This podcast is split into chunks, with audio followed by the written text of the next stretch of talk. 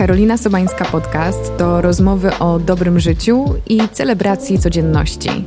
W tym programie pokazujemy różne perspektywy, otwieramy się na nowe tematy i zadajemy trudne pytania, na które odpowiedź często brzmi: to zależy.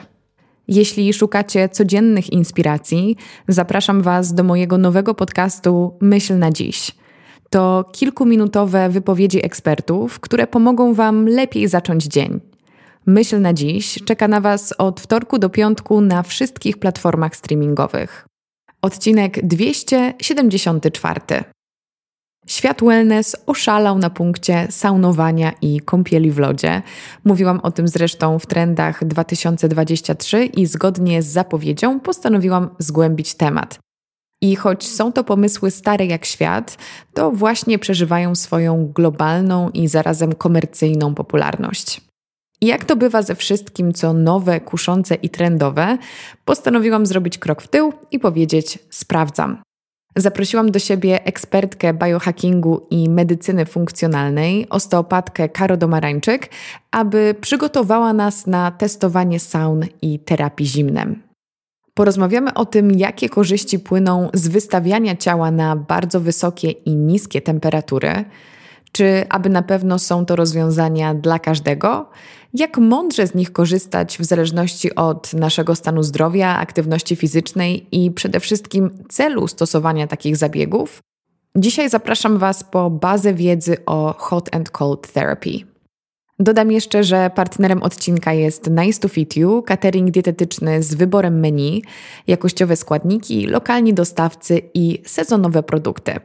W ofercie znajdziecie różne diety, w tym wegańską i wegetariańską, a korzystając z wygodnej aplikacji, wybierzecie menu na podstawie zdjęć i ocen oraz macie możliwość dokonania samodzielnie wszystkich zmian w posiłkach i dostawie. Zapraszam Was bardzo serdecznie do wysłuchania rozmowy z Karo Domarańczyk.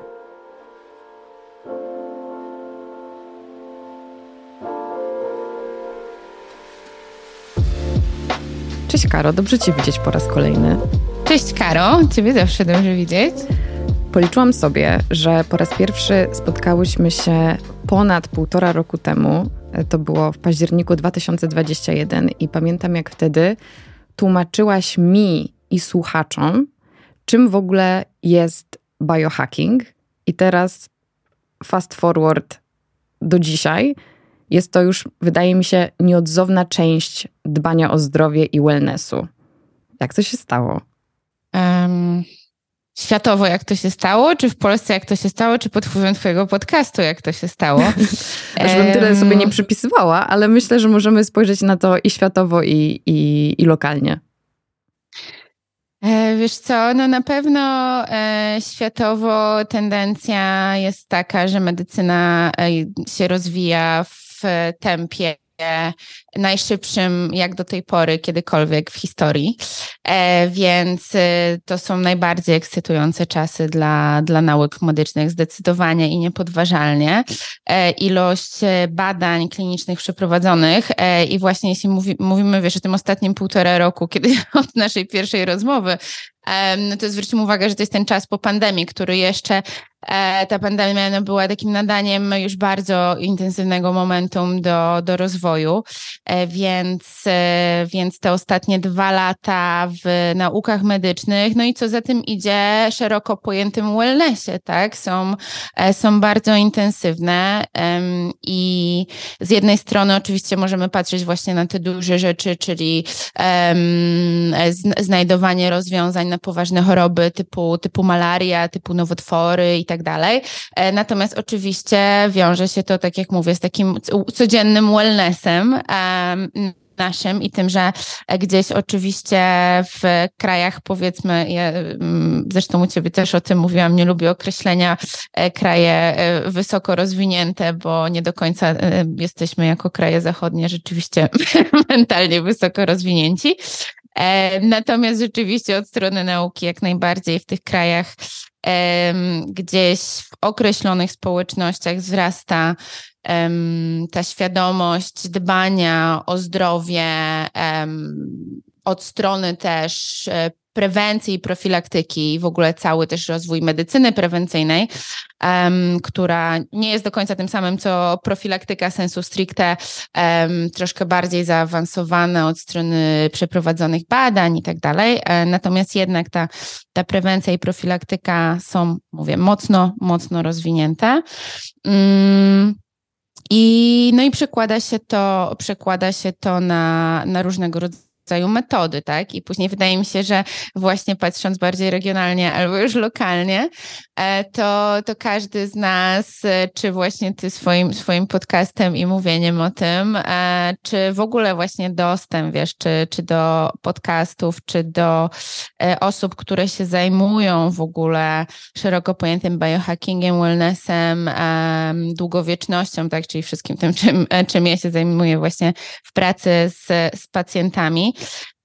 jest, jest ogromny i z jednej strony, no jak wszystko, plusy i minusy. Rozwój, rozwój social mediów i internetu niestety sprawia, że z jednej strony jest za przeproszeniem dużo bullshitu, no i, i, i tak jest, e, a z drugiej strony no mamy też dostęp do, do świetnych właśnie naukowców, którzy są prekursorami e, właśnie w, ty, w, w rozwoju tych nauk medycznych, czy tak jak mówię w kontekście długowieczności, e, tacy liderzy jak, jak Peter Diamandis, Sinclair, Atia, Huberman, tak, od strony neurobiologii i tak dalej. Więc fajnie, że dostęp do tej wiedzy jest e, i wydaje mi się, że na polu lokalnym no, musimy troszkę e, przesiać jedynie to pod kątem personalizacji e, i właśnie Mm, to, to czym, czym ja się zajmuję i też e, o czym dużo mówię i o czym też z Tobą rozmawiałam nieraz, czyli właśnie medycyna spersonalizowana, czyli tak naprawdę, czy wszystkie te metody, które są popularne, nam e, będą służyć każdemu tak samo? No odpowiedź jest, że nie, bo tyle ile osób, tyle będzie potrzeb. To bardzo rozległa odpowiedź na Twoje tak. pytanie. Ale, ale super, że o tym mówisz właśnie o tej personalizacji, bo ja też Jestem bardzo szczęśliwa, że ten dostęp do wiedzy jest y, bardzo szeroki i coraz więcej się o tym mówi, ale na fali tych przeróżnych trendów my często wyłapujemy sobie jakieś skrawki, jakieś hasła, próbujemy to zaadaptować nieco bezrefleksyjnie, no i skutki bywają różne, jednak korzystając z tych wszystkich metod, warto najpierw się przygotować i sobie to mocno przefiltrować przez siebie. I dzisiaj właśnie chciałabym się przyjrzeć jednemu z tych trendów czy rozwiązań, jak to powiedziałaś, bo już od jakiegoś czasu, pewnie trochę śmieję się w głowie, bo to są rozwiązania dostępne od y, wielu, wielu lat, nie wiem czy pokoleń set czy tysięcy, ale chodzi mi tutaj o ekspozycję naszego, naszego organizmu na bardzo wysokie i bardzo niskie temperatury i jestem ciekawa, czy ty ze swojej perspektywy, ze swojej wiedzy, ze swojej praktyki mówisz takiej hot and cold therapy tak? Zawsze, jak um, w każdej rozmowie ze mną. Nie zgadzam, to zależy. To zależy. E, zależy od odpowiedzi na podstawowe pytanie: po co i co chcemy osiągnąć? Hmm? E, więc generalnie tak, generalnie tak. Jest to um, ekspozycja na zimno i na ciepło, no to są metody, jak wspomniałaś, znane od właściwie początku istnienia ludzkości, um, zwłaszcza um, w jakichś konkretnych ekspozycjach na zimno. Um, oczywiście też rozwój um, technologii, no tutaj to nie jest aż taka, taki rozwój technologii w tym przypadku, w przypadku Sauen chociażby, no ale gdzieś tam troszkę może później um, doszła ta intensywna ekspozycja na, na ciepło, no ale to są metody, które są używane od, od setek tysię, od tysięcy lat. E, w krajach e, wielu są takich, no, Skandynawia chociażby, tak, są częścią po prostu e, bytu, kultury, e, codziennej higieny, właśnie tego dbania o zdrowie, profi, profilaktyki, no na równi z dbaniem o, o sen, czy czy dbaniem o higienę jamy ustnej. Więc ja mówię tak, jak najbardziej. Jak wiemy, lek od trucizny różni tylko i wyłącznie dawka. E, I dawka, która uwzględnia w tym przypadku wysokość danej temperatury, długość też ekspozycji jednorazowej, ale też, tak jak w przypadku każdego leku, długotrwałość tej ekspozycji w przeciągu, przeciągu czasu od strony, czy to są tygodnie, czy to są miesiące, więc mówię, wszystko zależy po co i co, co chcemy osiągnąć. A to jest też niesamowite, że zwykle, kiedy mamy do czynienia z różnymi praktykami, które są w naszej kulturze od dawna, czy w innych kulturach od dawna. My dopiero potrzebujemy tego momentu, kiedy nauka nadrobi, przygotuje wystarczająco dużo badań i wtedy reszta świata mówi, no dobra, no to bierzemy dla siebie.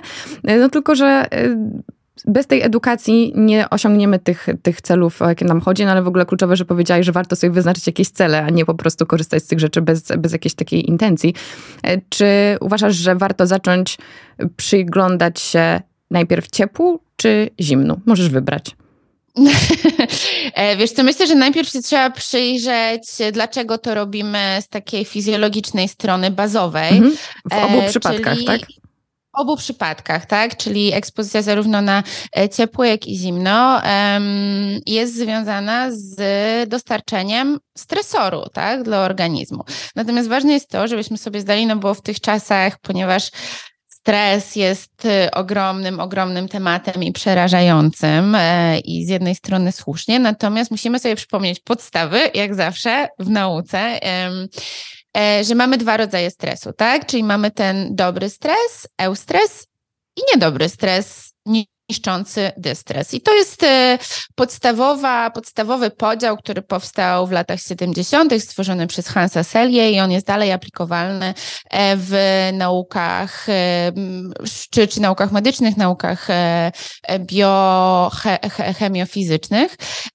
I um, ważne jest to, żebyśmy sobie zdali sprawę, że um, nie znaczy, że tym eustresem, tym dobrym stresem możemy oddziaływać na reakcję, e, którą powoduje dystres. Czyli za pomocą tego dobrego stresu możemy przygotować organizm do lepszej reakcji na dystres, dystres, czyli ten negatywny stres. Ten, ten dystres w, tych codziennych naszej, w codziennej naszej rzeczywistości, no to w obecnych czasach jest, jest ekspozycja z wielu, wielu stron na, na różne czynniki, no bo z jednej strony oczywiście jest to ten stres psychoemocjonalny, e, i to nasza, nasza pędząca głowa pod wpływem ilości bodźców, e, przestymulowany e, układ, układ nerwowy, wiążąc, wiąże się to z wysoką cały czas odpowiedzią współczulną układu autonomicznego, czyli właśnie cały czas jesteśmy w tej odpowiedzi na stres. Um, ale no jest oprócz tego stresu, stresu, załóżmy na poziomie psychoemocjonalnym, um, stresory w postaci ilości toksyn, zanieczyszczeń, czy to ze strony e, powietrza, hałasu, wody, jedzenia i tak dalej. Cały czas organizm walczy z tymi stresorami i to są, um, to jest, to jest dystres, to, to jest ten niszczący, niszczący stres, to jest ta odpowiedź negatywna. E, natomiast no, te, ten stres częściowo, jakby fizjologicznie i ewolucyjnie, no jest nam potrzebny do, do przeżycia, tak? Czyli ten dobry stres e, powoduje też, że e, jesteśmy w stanie coś osiągnąć w życiu, że rozwinęliśmy się jako, e, jako cywilizacja, e, bo chociażby, nie wiem, idąc na egzamin, ten lekki, lekki stresik, który może niekoniecznie powoduje na przykład odpowiedź w postaci, nie wiem, biegunki czy wymiotów, ale powoduje, że jesteśmy pobudzeni, czyli właśnie ta odpowiedź współczulna, która jest potrzebna, e, jest uruchomiona i to jest coś, co jest tym naszym naszym napędem do działania i, i, i świetnie. E, natomiast no, jak, jak w tych czasach e, wszystko znowu e, kwestia dawki e, i niestety poruszamy się, poruszamy się po skrajnościach i niestety tak samo, tak samo jest ze stresem, że e, więcej więcej mamy niestety tego, tego dystresu, a tego um, eustresu, tych dobrych bodźców um, mamy, mamy niewiele.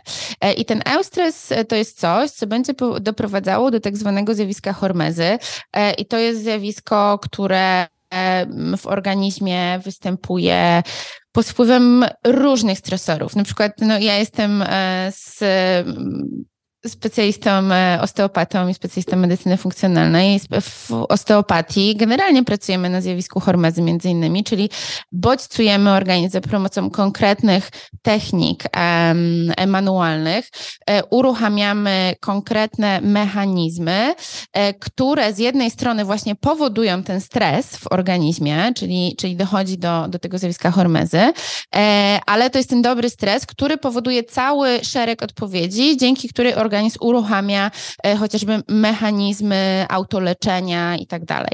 E, więc, e, więc generalnie ekspozycja na ciepło czy na zimno opiera się właśnie na tym zjawisku hormezy, czyli na dostarczeniu małej ważne jest to, żeby pamiętać, że to jest krótkotrwała ekspozycja na stresor też, a, czyli na ten, na ten e, ale krótkotrwały, czyli to jest też problem dzisiejszych czasów, no, że jakby jesteśmy cały czas w przewlekłej ekspozycji na duże ilości różnego rodzaju e, triggerów, które, które powodują ten dystres.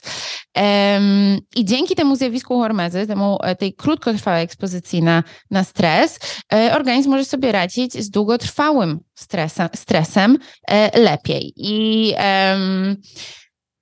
Generalnie, czy to jest e, ekspozycja na ciepło i ekspozycja na zimno, oczywiście uruchamiają częściowo inny szereg e, reakcji biochemicznych. E, no, wiadomo, że już sam, sam trigger w postaci innej temperatury będzie uruchamiało inną, inne, inne reakcje i zależności.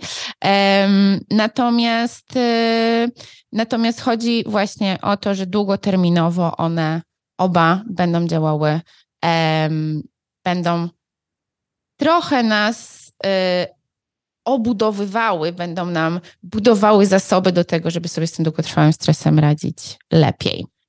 E, odpowiedziałaś, tak, odpowiedziałaś właśnie na, na pytanie, które ja sobie zadawałam od dłuższego czasu, bo też zgłębiam temat i częścią mojego zgłębiania tematu jest choćby nasza dzisiejsza rozmowa, właśnie zarówno temperatury bardzo wysokiej, jak i bardzo niskiej i tego, jak potencjalnie mogłoby to wpłynąć na mój organizm. I przyszedł mi do głowy właśnie ten argument, tak, że żyjemy w tak zestresowanym społeczeństwie, że życie jest tak przebodźcowane, zestresowane. Większość chorób, z którymi się mierzymy, przypisuje się w ogóle stresowi jako głównemu, głównemu czynnikowi, który, który je powoduje. Pomyślałam sobie, to dlaczego mam jeszcze bardziej stresować mój organizm? I gdyby nie to, co powiedziałaś, to bym prawdopodobnie nie próbowała w obawie, że ten dodatkowy stresor jeszcze bardziej obciąży um, moje funkcjonowanie, a jest zupełnie odwrotnie.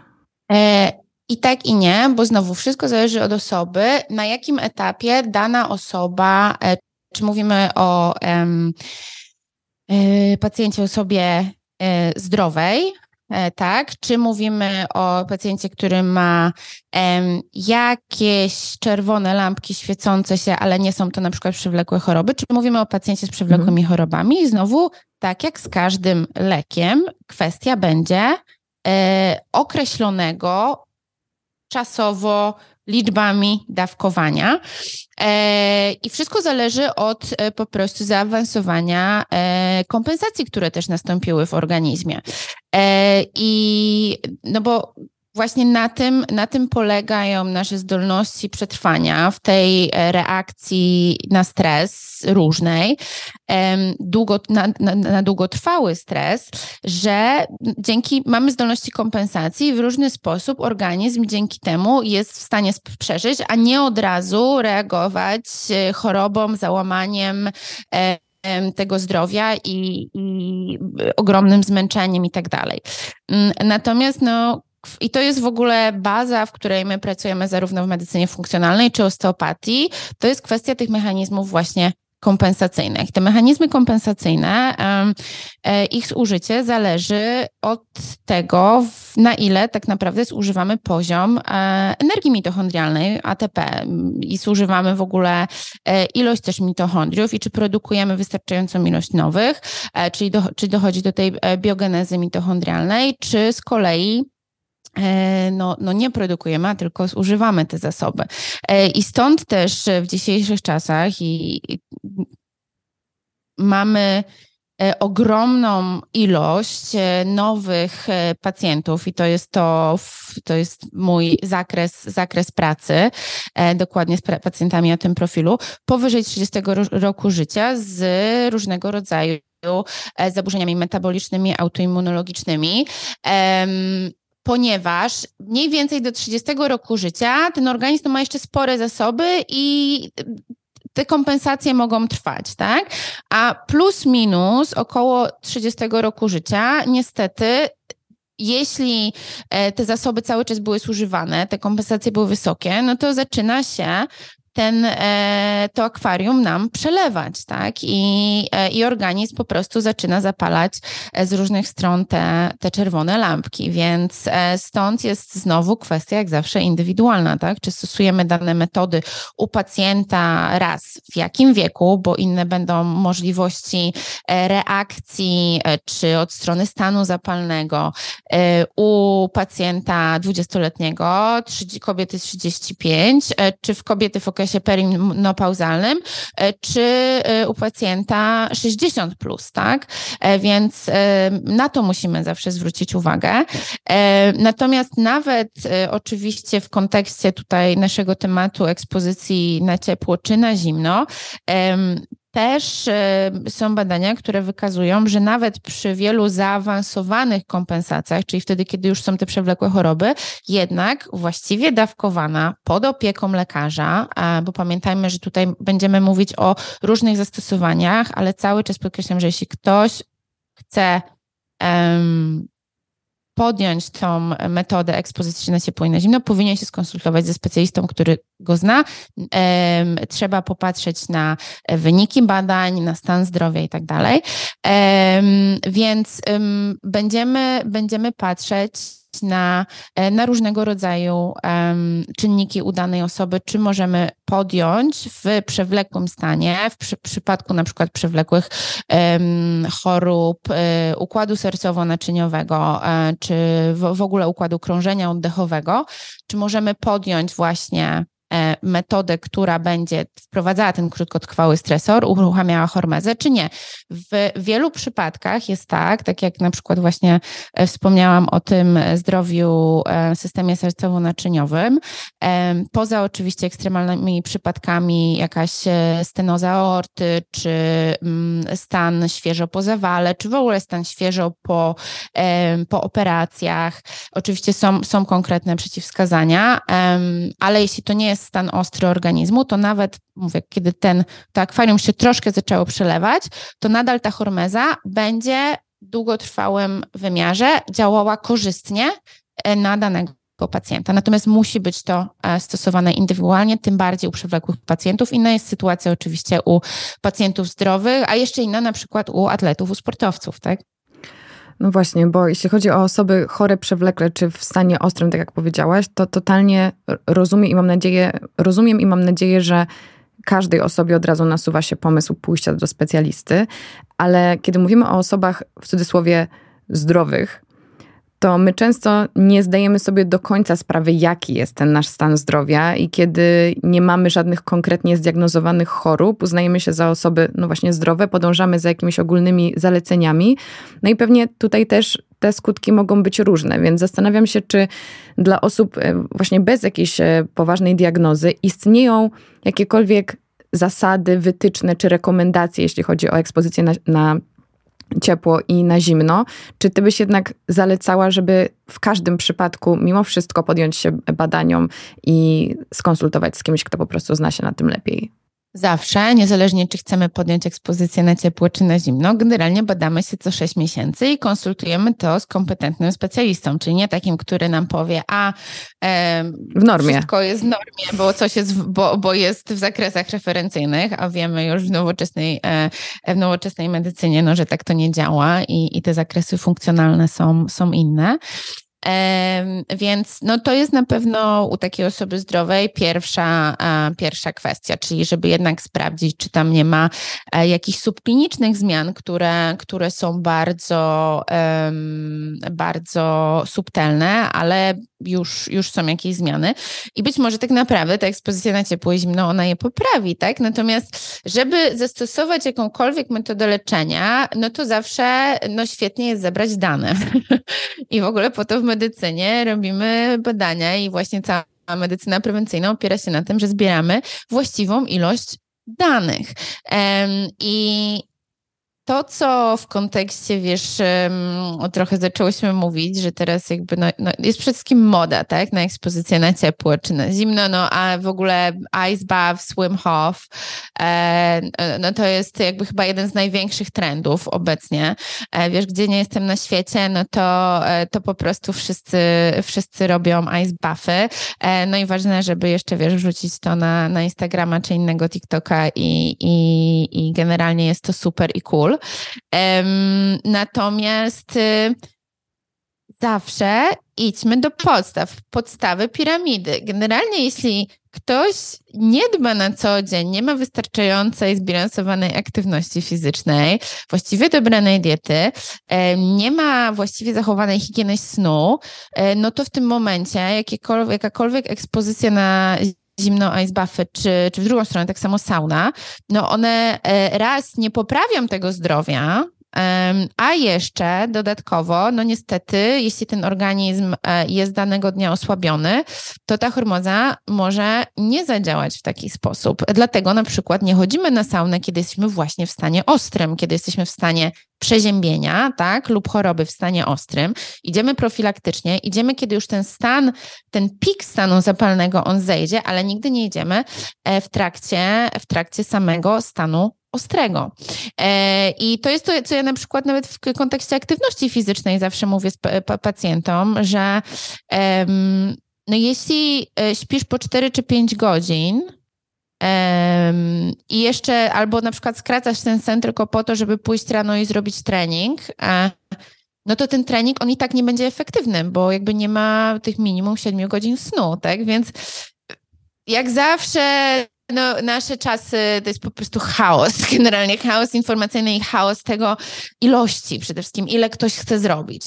E, więc w ogóle w całym biohackingu i to jak ja e, transponuję ten biohacking, czy w, już, już w takiej nawet profilaktyce, tak, codziennej pacjentów, możemy dodawać te różne bardziej, wiesz, sophisticated, jakieś fajne, różne metody, jeśli mamy podstawy. Czyli jeśli mówię, mamy, mamy podstawy w postaci e, sn, oddechu, snu, nawodnienia, diety, aktywności fizycznej, e, właściwych relacji międzyludzkich, ok, mamy zrobiony porządek na dole piramidy. Na to możemy dodać e, może jakieś e, bardziej suplementację, tak, dodatkową, e, czy możemy dodać jakieś bardziej skomplikowane metody, e, metody biohackingowe, jakieś technologie, tak, które właśnie na przykład czy związane z ekspozycją na światło, ekspozycję właśnie na ciepło czy zimno, E, I to dopiero ma sens, a nie jakby, no nie, nie wykpimy się ice buffem w momencie, jeśli generalnie nie ćwiczymy, nie mamy tej właściwej aktywności fizycznej. To jest tak jak wiesz, to jest tak jak właśnie chociażby ćwiczenia, jeśli chcemy zrzucić wagę, to okej, okay, no musimy ćwiczyć, ale one nie zastąpią diety i też odwrotnie, tak? To wszystko te wszystkie komponenty muszą być wzięte pod uwagę. Więc dla mnie to jest zawsze taka, wiesz, um, w dzisiejszych czasach i bardzo się cieszę, że o tym rozmawiamy, bo z jednej strony no to jest odcinek e, właśnie, wiesz, mógłbyśmy tutaj teraz się zatopić w ilość danych, badań odnośnie sauen, e, kąpieli zimna. Natomiast zróbmy, jakby zaznaczmy, że te podstawy są ważne e, i dopiero wtedy możemy, możemy komplikować to teraz wszyscy robią pauzę, idą się zaopiekować e, tą podstawą, o której powiedziałaś, i dopiero mogą wrócić, żeby słuchać nas dalej. Oczywiście śmieję się, bo też uważam, że ten faktor edukacyjny jest bardzo ważny i nawet jeżeli czujemy, że jeszcze nie jesteśmy gotowi na to, żeby dawać sobie tych bardziej wyszukanych czynników czy, czy metod, to ja uważam, że zawsze poznać je warto. Wywołać do tablicy Ice Baths, bo też widzę tą ogromną popularność i, i mnóstwo osób, które wskakują z uśmiechem do, do lodu. U nas jest to może bardziej znane w Polsce w postaci morsowania, które też w ostatnich latach przeżywa y, ogromny hype. Więc dlaczego to jest dobry pomysł i jeśli to jest dobry pomysł, to jak go mądrze wykorzystać?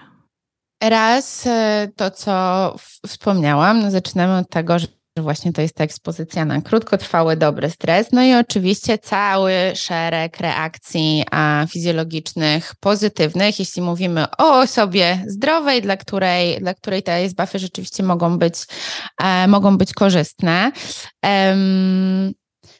Kwestia jest tego, czy co chcemy osiągnąć pod kątem, e, właśnie, co chcemy osiągnąć. Czyli jeśli e, na przykład od strony dużo osób e, idzie w stronę, w stronę jakiejś tam ekspozycji, czy, czy to są ice buffy, morsowanie, cokolwiek, ze względu na zdrowie, zdrowie psychiczne, co jest super.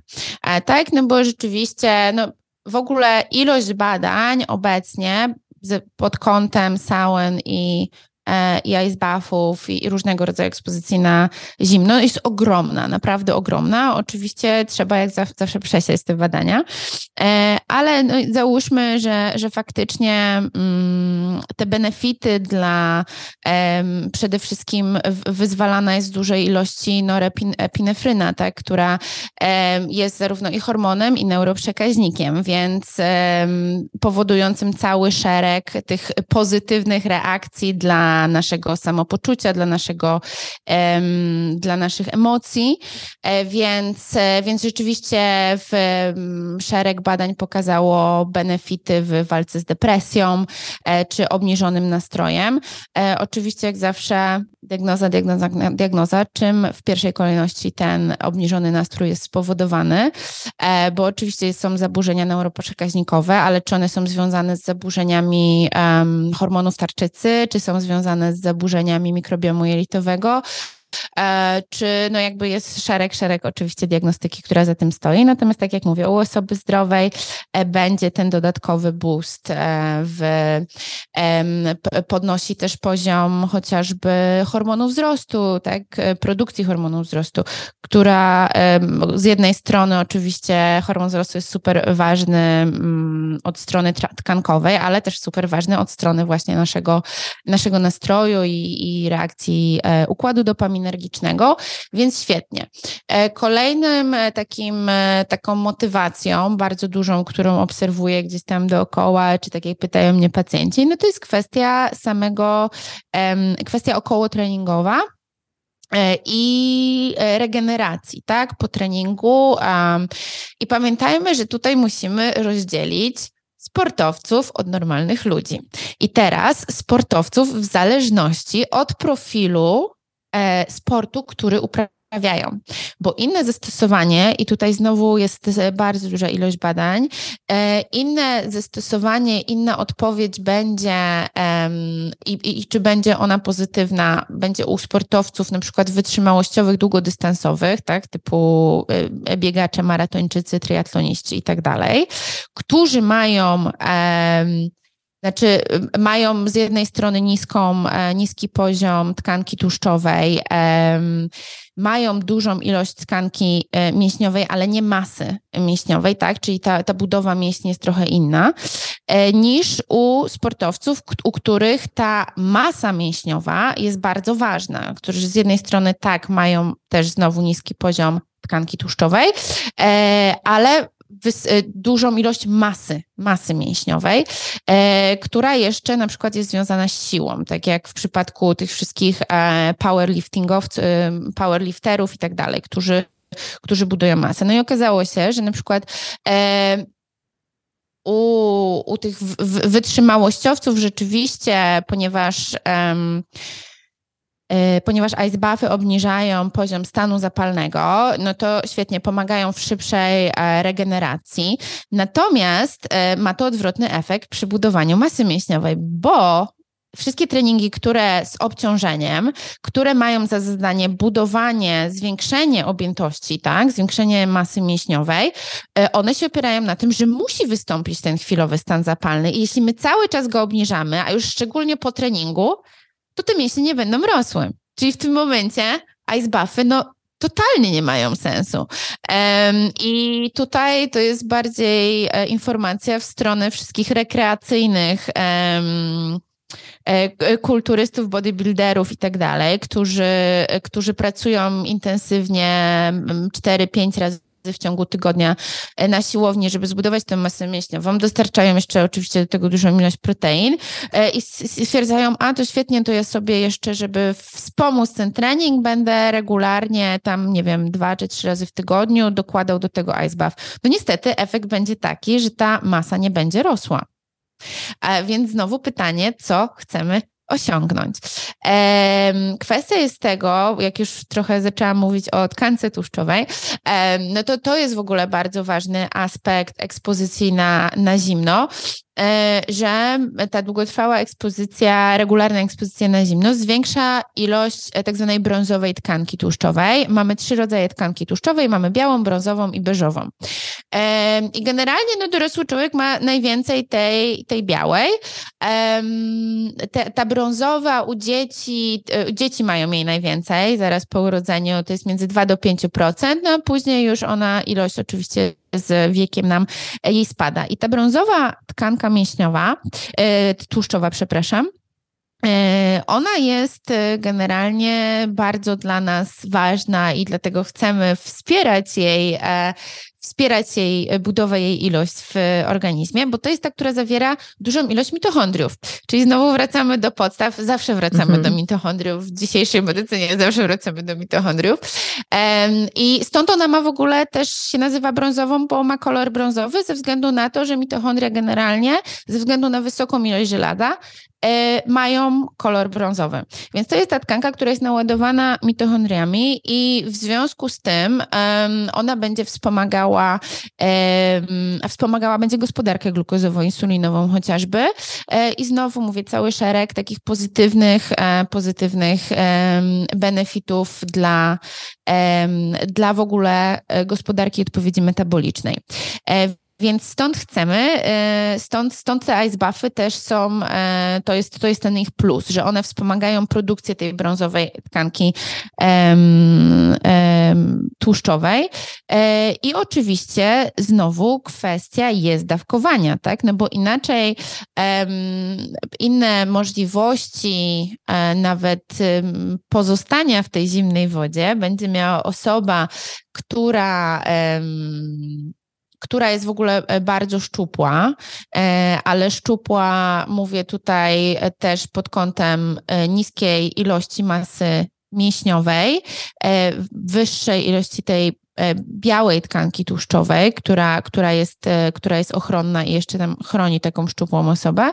E, no a inne będą możliwości u takiego Wima który już gdzieś tą ekspozycję na zimno praktykuje od wielu, wielu lat i te ilości też właśnie tej jego tkanki tkanki e, brązowej będą inne. I ona jest właśnie też związana e, z, z tym, jaki, do jakiego rodzaju termogenezy dochodzi w trakcie właśnie takiej ekspozycji na zimno, bo mamy dwa rodzaje termogenezy i e, bardzo prosto jest sobie je rozróżnić, bo jedna jest związana z tym, że albo się trzęsiemy, co jest u większości osób, które nie praktykują ekspozycji na zimno, dosyć szybko dochodzi do tego trzęsienia się, a druga jest związana z tym, że właśnie nie dochodzi do tego trzęsienia się, e, czyli ta no, non-shivering. I ta non-shivering, kiedy, kiedy się nie trzęsiemy, właśnie jest związana z tym, że tej tkanki, um, tkanki jest, jest e, więcej, e, brązowej, tłuszczowej. Mm.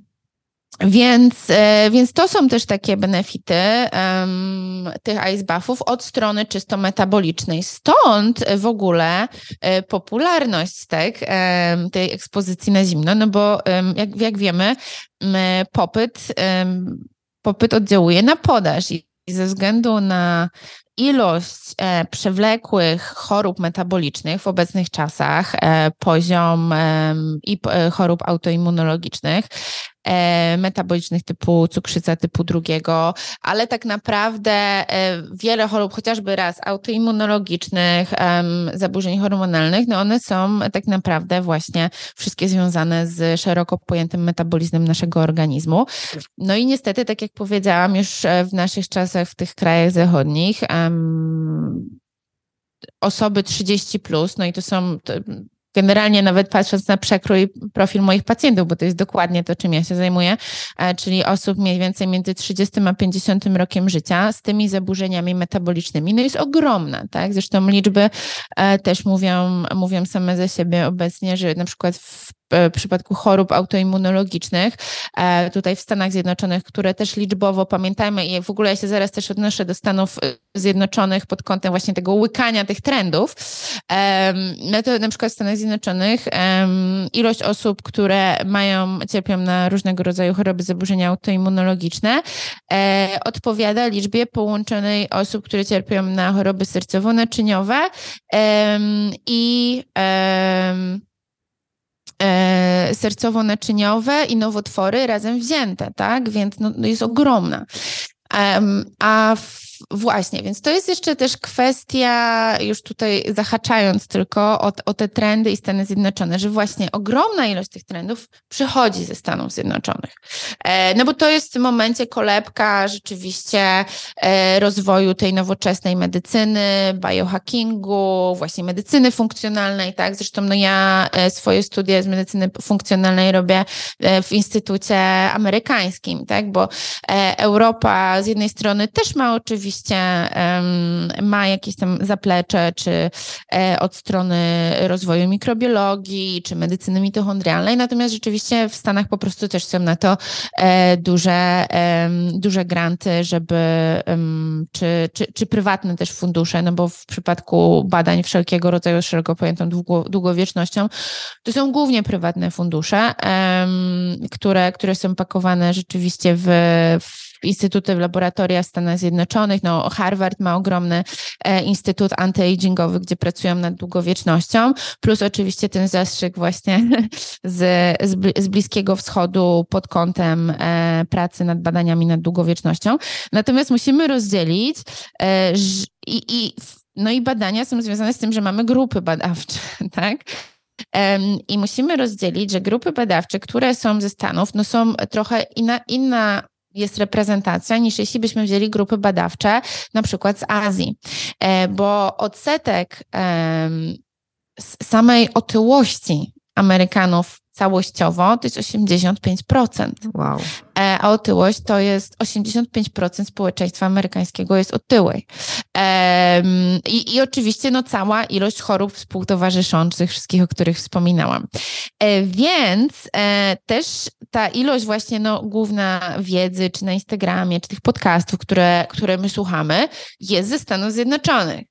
Więc oni trochę um, musimy to zawsze przesiać no, przez, przez własne sito, tak? Więc um, ilość chociażby um, to, co bardzo się dużo mówi i dużo teraz e, czy naukowcy, czy specjaliści medycyny Stanów Zjednoczonych walczą o um, o to, żeby nie było aż tak dużej ekspozycji na, na wszelkiego rodzaju toksyny w, życiu codziennym, czy w wodzie, czy, e, czy w jedzeniu. No, Oczywiście Europa, e, czy, czy właśnie Bliski Wschód, czy Azja, no też mamy tą ekspozycję na toksyny, ale ona jednak jest niższa nadal niż w Stanach Zjednoczonych. Ilość używanych pestycydów do produkcji, do produkcji warzyw czy owoców, no ta marchewka w Stanach, w jakimś Teksasie czy Arizonie jest inna od marchewki w Danii, gdzie Dania ma 100% e, organicznych upraw, tak? Więc na to też musimy zwrócić uwagę i pod tym kątem przesiewać trendy, że kto jest tak naprawdę,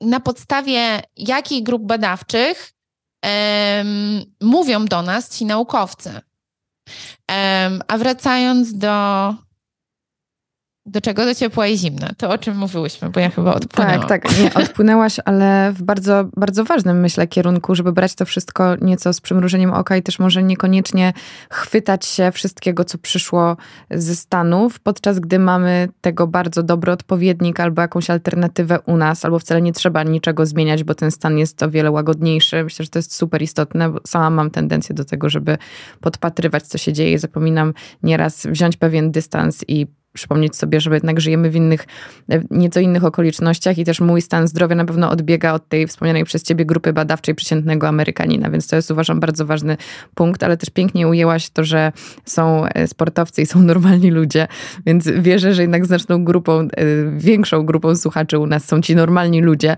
I, i właśnie wracając jeszcze do, tych, do tego zimna, e, o którym rozmawiamy w tej części, czy w takim razie dla normalnych ludzi istnieje coś takiego jak optymalne stosowanie profilaktyczne, taki plan minimum, który, który daje nam te efekty, o których mówiłaś, to po pierwsze, wiadomo, że nie dla każdego i, i to zależy, ale jak można z tego mądrze skorzystać, żeby stestować taką metodę? No i jak ważna w tym jest też wspomniana przez Ciebie regularność? Mhm. E, na pewno warto, jak ze wszystkim, zaczynać stopniowo. E, oczywiście ekspozycja na zimno pod prysznicem to jest inna ekspozycja niż kiedy się zanurzamy do szyi w zimnej wodzie, tak? Czy to jest jezioro, czy to jest jakaś tam bania z zimną wodą. E, więc e, można zacząć od takiej krótkotrwałej ekspozycji właśnie pod prysznicem, jakby podstawowa i stosowana też w ogóle od lat, wiesz, w, balneologii, tak, e, metoda, no to są, to jest zakończenie po prostu ciepłego prysznicu krótką ekspozycją na, na, na zimno, tak? Dosłownie może być, to, może być to minuta zimnego prysznica i powoli dostosowywanie tego organizmu. Um, musimy zwrócić uwagę zawsze na, też na porę roku, tak? Wiadomo, że będzie nam e, łatwiej to zrobić latem, kiedy w ogóle mamy ochotę na ten zimny prysznic, aniżeli, aniżeli zimą. E, oczywiście też jeśli mamy właśnie tendencję do wychłodzenia organizmu, czy tak jak na przykład osoby z chociażby niedoczynnością tarczycy, tak, e, nie tolerują za dobrze zimna, e, to może też niekoniecznie od razu się rzucać na głęboką wodę, bo z jednej strony... Zimną tak, głęboką wodę zimną, głęboką wodę. Może rzeczywiście e, długoterminowo, na przykład w przypadku niedoczynności, e, będzie mogło to działać korzystnie, ale najpierw, e, najpierw może jakby obserwujmy swój organizm, tak? Obserwujmy swój organizm. Jaka, jaka jest reakcja? Czy um, i zacząć na przykład od e, takiej ekspozycji na zimno raz w tygodniu, tak? Jakiegoś morsowania czy ice buffu i zacząć od dwóch minut, tak? Od, nie od razu musimy tam zaciskać zęby, bo jeszcze jak ktoś jest właśnie ma na przykład wrodzonego sportowca w sobie, tak jak ja, ja to zaciska zęby mm -hmm. i wiesz, i, i, idzie od razu na 6 czy na 8 minut ice buffu, e, ale te dwie minuty wystarczą, jakby w organizmie to nie, nie zawsze działa tak, oczywiście no hormeza działa na tej zasadzie, ale e, też, że, że więcej to znaczy lepiej. I e, to, to, to, wcale, wcale tak nie jest, więc stopniowo obserwując swój organizm, jeśli wiemy, że nasz organizm reaguje w ogóle dobrze na różne ekstrema, e, co też jest związane właśnie z naszą naturalną odpowiedzią od strony adrenaliny, noradrenaliny, właśnie gospodarki dopaminergicznej, także jest to bardzo indywidualne, to może faktycznie, jeśli będziemy siedzieć w tej wodzie, będziemy czuli, że nam jest zimno um, przez trzy minuty, ale czujemy, że e, znaczy, że jest ten dyskomfort, ale że on nie jest taki, że po prostu zalewa mnie właśnie fala stresu, e, tak, tylko że, że czuję bardziej taką właśnie ten, ten eustres, tak, tą, tą falę ekscytacji, że tak jest ciężko, ale jest fajnie. To jest tak trochę jak z treningiem, nie? Um, to, to, to, może rzeczywiście te, te, te, nawet 3 czy 4 minuty e, raz w tygodniu będą, będą ok. Stopniowo, tak jak mówię, no warto jest to zrobić z kimś, kto się zna, także nie koniecznie od razu sobie wstawiać do ogrodu, e, wiesz, teraz są nawet takie no, jakby oczywiście rynek jest zalany, każdy może sobie w domu wstawić e, taką wanienkę, tak, i napełnić ją, ją zimną wodą. Um, więc, więc stopniowo, stopniowo raz w tygodniu um, później zwiększać. No i mówię, też zależy od, od kwestii związanej z aktywnością fizyczną, więc ja na to bym zwróciła uwagę. E, może też niekoniecznie, znaczy tak, jeśli ktoś jest biegaczem i robi długie wybiegania, nawet po 15 czy, czy 20 kilometrów, to, no to jakby od razu, prawie że od razu po treningu, żeby obniżyć ten stan zapalny, może jest ok. Ale na przykład z drugiej strony, właśnie już dla wspomnianych osób, które, które mm, skupiają się na treningu z obciążeniem i na budowaniu masy, e, to bardziej pójść w ekspozycję na ciepło, a nie na zimno e, jako formę tej regeneracji po treningu.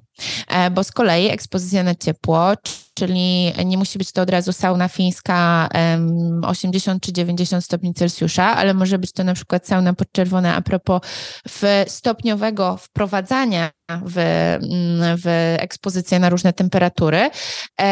No to generalnie działa to tak, że mm, im niższa temperatura, no to tym dłużej po prostu zostajemy, tak? Tym dłuższa jest ta ekspozycja. W przypadku ekspozycji na ciepło tutaj mówię, tak? Czyli w przypadku tak, tak.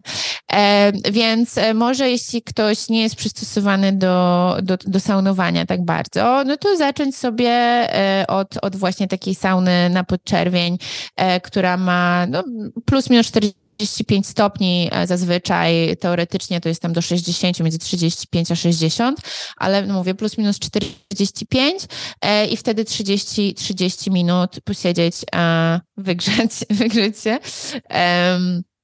I właśnie to, to, to jest coś, co też będzie obniżało um, z jednej strony um, poziom stanu zapalnego, ale w trochę inny sposób niż ta ekspozycja na zimno, ale będzie też rozluźniało, e, rozluźniało te napięte po treningu e, mocno mięśnie, no bo po, po treningu, um, czy to jest trening siłowy, czy to jest trening jakiś inny z obciążeniem, no to są te, te mięśnie są rzeczywiście sztywne i napięte, więc żeby je troszkę, troszkę rozluźnić. Um, tak. Co jeszcze nam może dać sauna, skoro już tak pięknie przeszłaś do tego naszego ukochanego ciepła? Nie ukrywam, że się cieszę, bo już było mi za zimno przy tamtym wątku.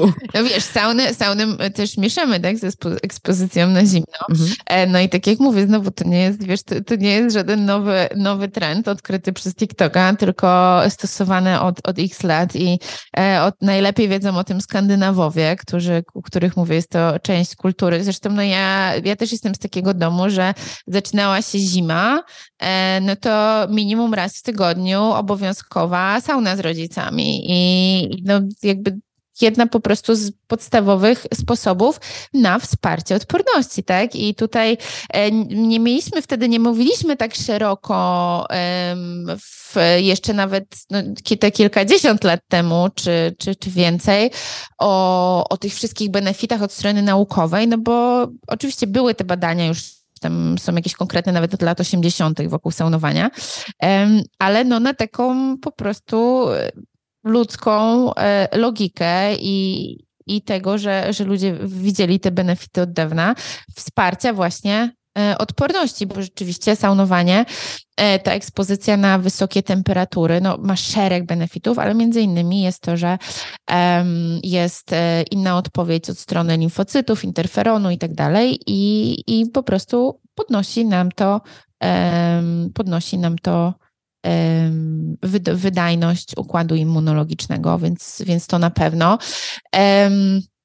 Kolejną rzeczą, znowu bardzo dużo badań pod kątem sauny fińskiej jest w kontekście mm, chorób pacjentów e, sercowo-naczyniowych e, i e, pacjentów z różnego rodzaju zaburzeniami, chorobami dróg oddechowych, zarówno górnych, jak i dolnych, bo czy to e, przy astmie, czy przewlekłym zapaleniu skrzeni, ale też przy, czy na przykład przy POHP, tak, przewlekłej obturacyjnej chorobie płuc. E, więc bardzo duża ilość benefitów e, u takich, u takich pacjentów przy saunowaniu minimum nawet 3, minimum 3, a nawet są badania, które pokazywały saunowanie 4 do 6 razy w tygodniu po, po 10 do 20 minut, no jakby tutaj ilość tych badań to byśmy mogły, wiesz, same dwie godziny poświęcić na prześledzenie tych wszystkich, wszystkich liczb, ale rzeczywiście, rzeczywiście benefity dla, dla, dla tych pacjentów przy zaburzeniach e, oddechu e, czy szeroko pojętego układu, układu krążenia. Co jeszcze? Ja sobie słuchaj, to jest e, chyba jeden z niewielu odcinków, gdzie ja zrobiłam, przygotowałam notatki, bo po prostu tych danych, wiesz, jest tyle, o których możemy mówić i żeby takie, wiesz, najważniejsze powiedzieć. Um, no, sauna, tak jak powiedziałam, a ważne jest to też, że pod kątem wsparcia odporności, no to z jednej strony, tak jak mówię, no to jest kwestia już samych parametrów krwi, odpowiedzi, czy ze strony śledzionej i tak dalej, ale też musimy zwrócić uwagę, że temperatura i związana z nią wilgotność, one będą wpływały na odpowiedź ze strony patogenów. E, czyli e, wirusy na przykład, one mają e, mniejszą przeżywalność w klimacie w wysokiej wilgotności, aniżeli w suchej. Dlatego zimą częściej też chorujemy, między innymi od, od, tej strony, że te wirusy są bardziej aktywne. Zresztą widzieliśmy też to po COVID-zie, tak? Były tam w mhm. trakcie pandemii, to ja pamiętam akurat te statystyki dosyć mocno e, śledziłam, że e, w tych krajach, w, w krajach gorących i, i o wyższej wyższej wilgotności, e, rzeczywiście e, odpowiedź, zachorowalność była, była niższa. Zresztą no, i, i to, ma, to jest właśnie związane z tą, z tą odpowiedzią e, patogenów i tak samo od, od strony bakterii. One inaczej reagują na wysokie temperatury aniżeli na niskie tak? E, więc e, to jest ważne, no bo musimy sobie przypomnieć tylko, że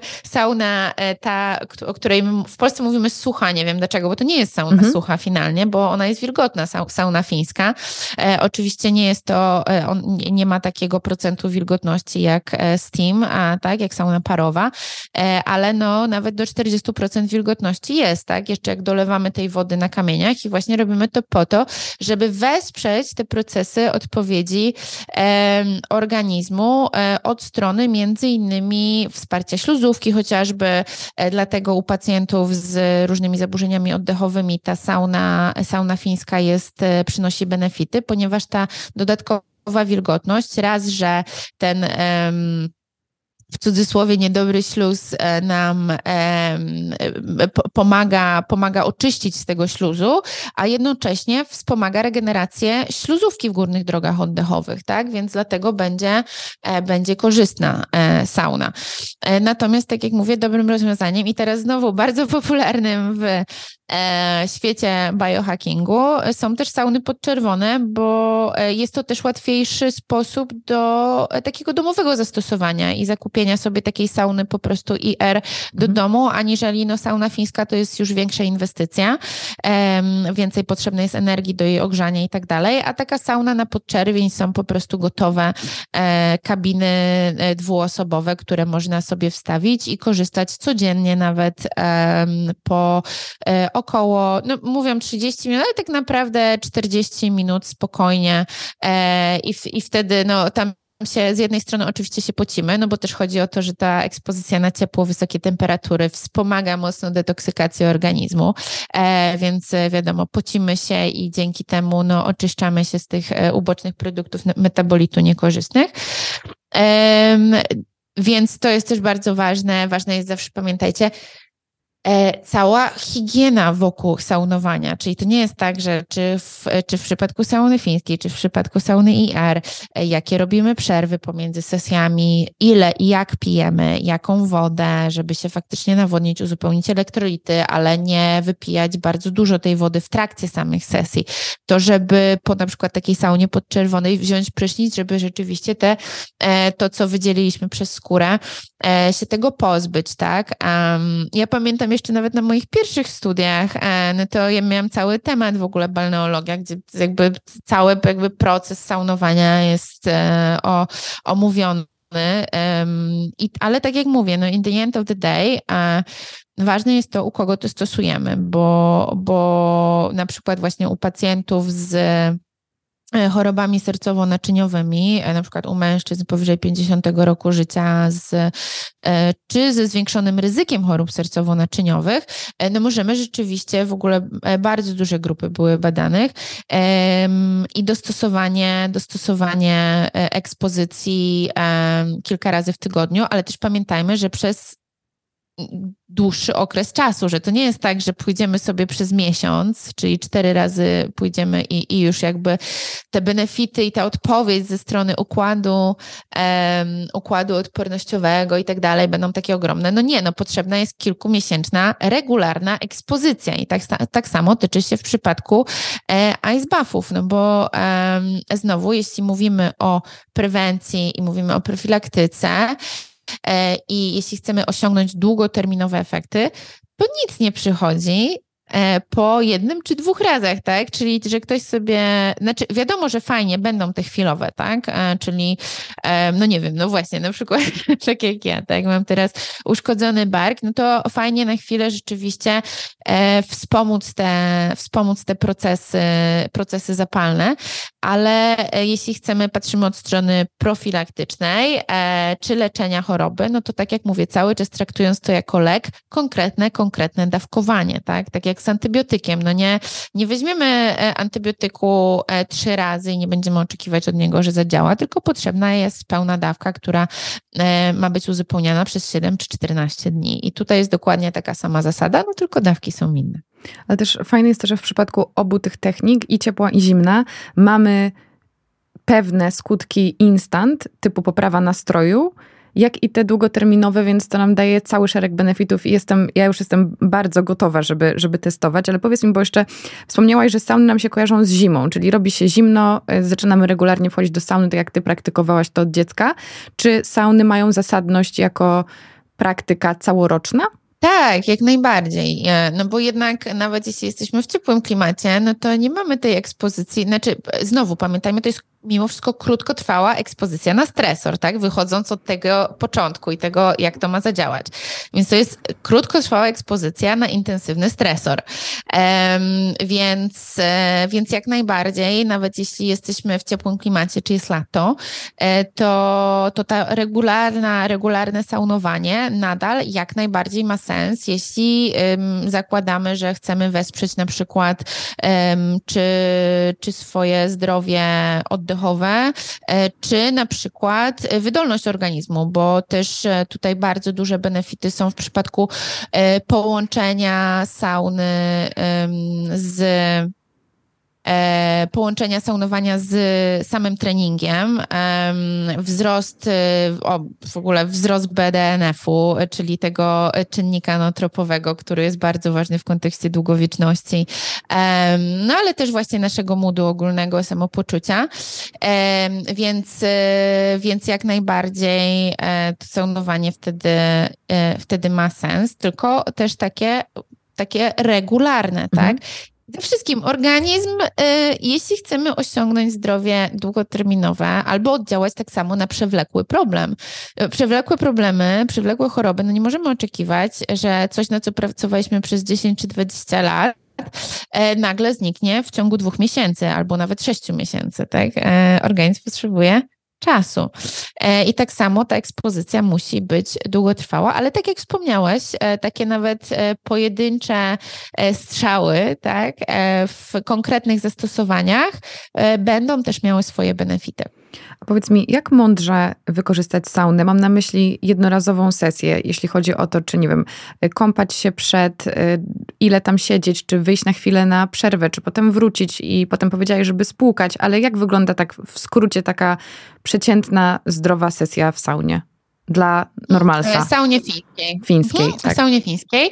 E, generalnie pamiętamy, że wchodzimy do sauny, jeśli nawet weźmiemy wcześniej prysznic, no bo wiemy też, że po saunie jakiejkolwiek e, nie stosujemy żadnych środków myjących, tak, żeby no mamy te, te skóry, pory skóry bardziej otwarte, więc nie chcemy, że tam nic się dodatkowo dostawało e, żadnych balsamów i tak dalej, więc jeśli chcemy wziąć prysznic, bo na przykład jesteśmy po treningu, no to robimy to przed, e, przed sesją sauny i ważne jest to, żeby wytrzeć się naprawdę do sucha, czyli żeby nie było na nas, żebyśmy nie byli wilgotni. I to samo tyczy się też um, później, jak zmieniamy sesję i um, schładzamy się, zaraz do tego przejdę, e, ale też, żeby zmieniać na przykład ręcznik.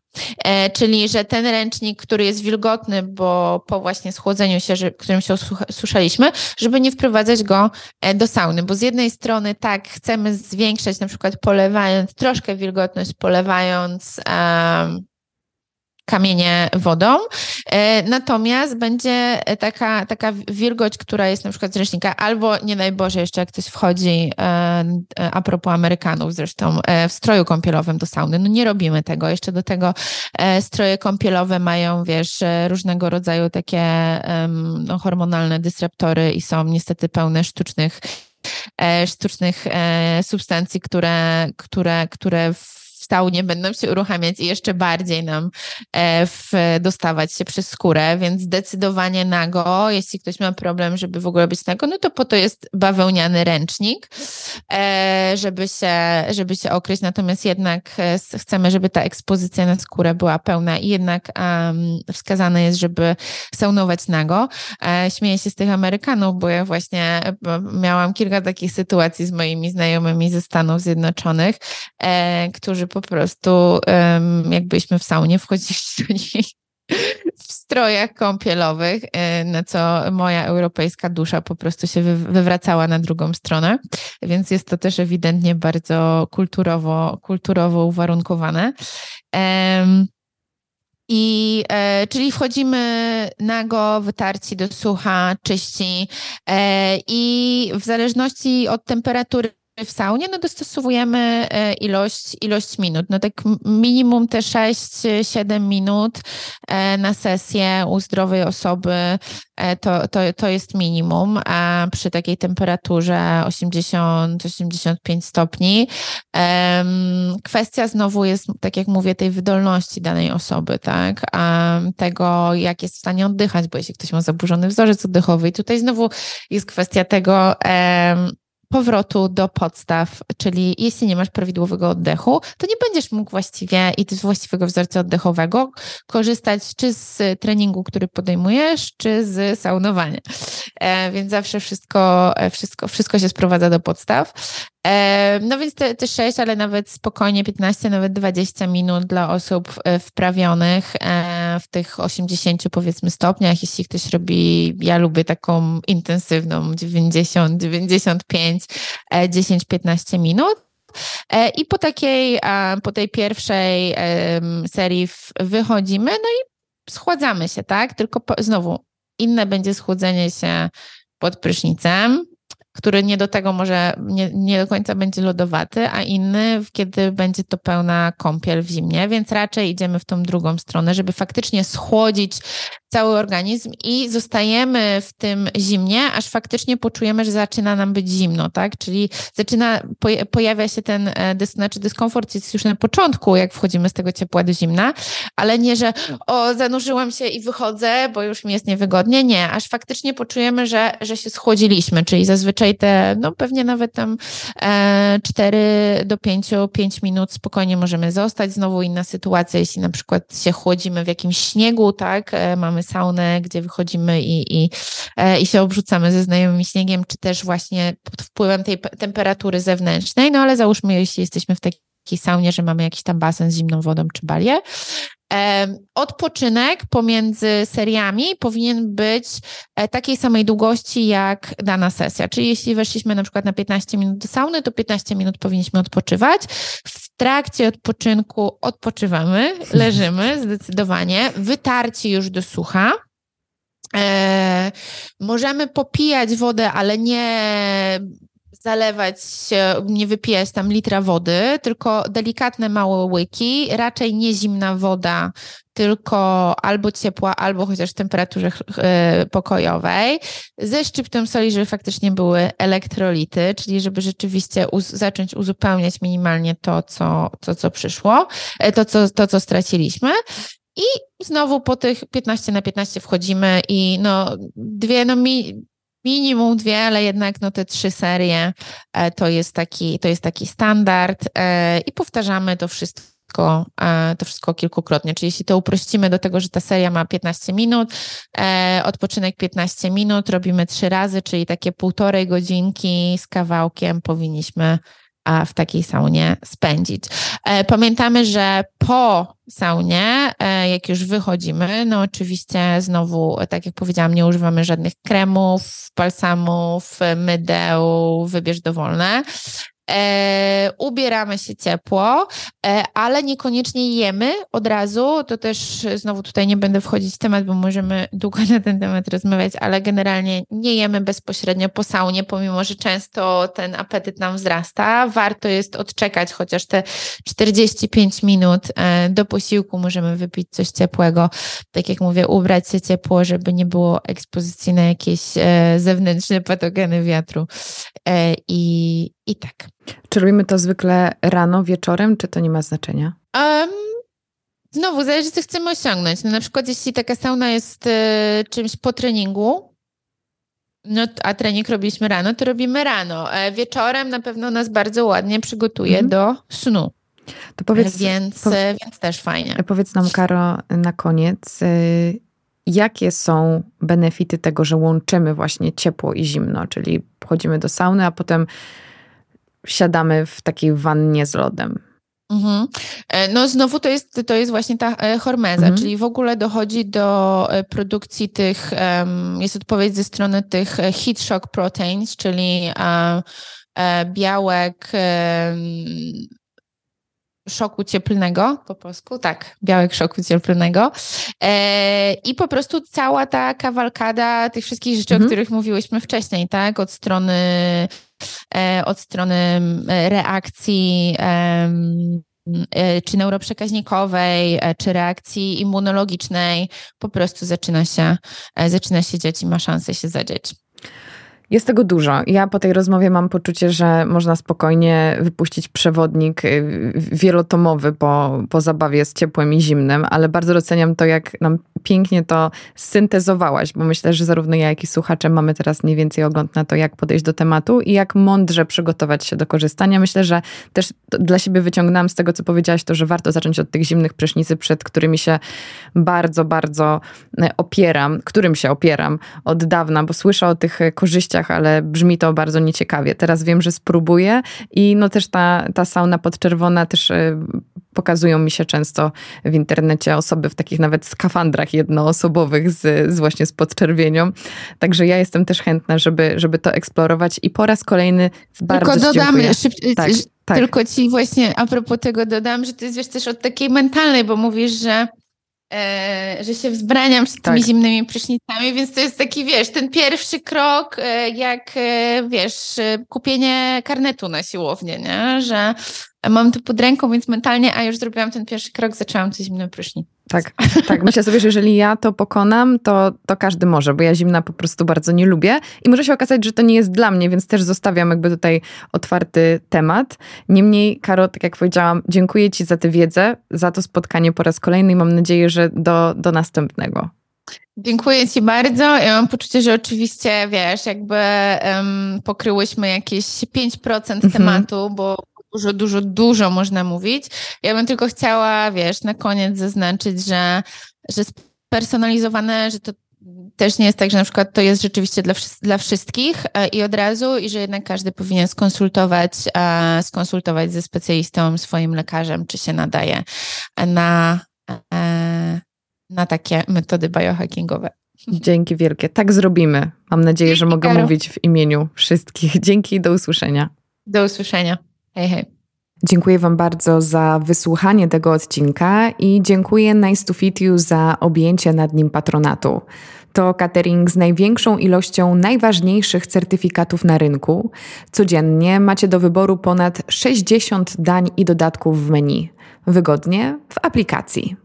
Jeśli regularnie słuchasz mojego podcastu, będzie mi miło, gdy znajdziesz chwilę na wystawienie mu oceny. Zrób to w aplikacji, w której słuchasz mojego podcastu. Jestem bardzo wdzięczna za ten mały gest, bo dzięki niemu mój podcast może dotrzeć do nowych osób. A jeśli masz ochotę na więcej, posłuchaj mojego nowego programu, czyli Myśl na Dziś, który również jest dostępny na Spotify, iTunes i YouTube. To kilkuminutowe wypowiedzi gości mojego podcastu, które pomogą Ci lepiej zacząć dzień.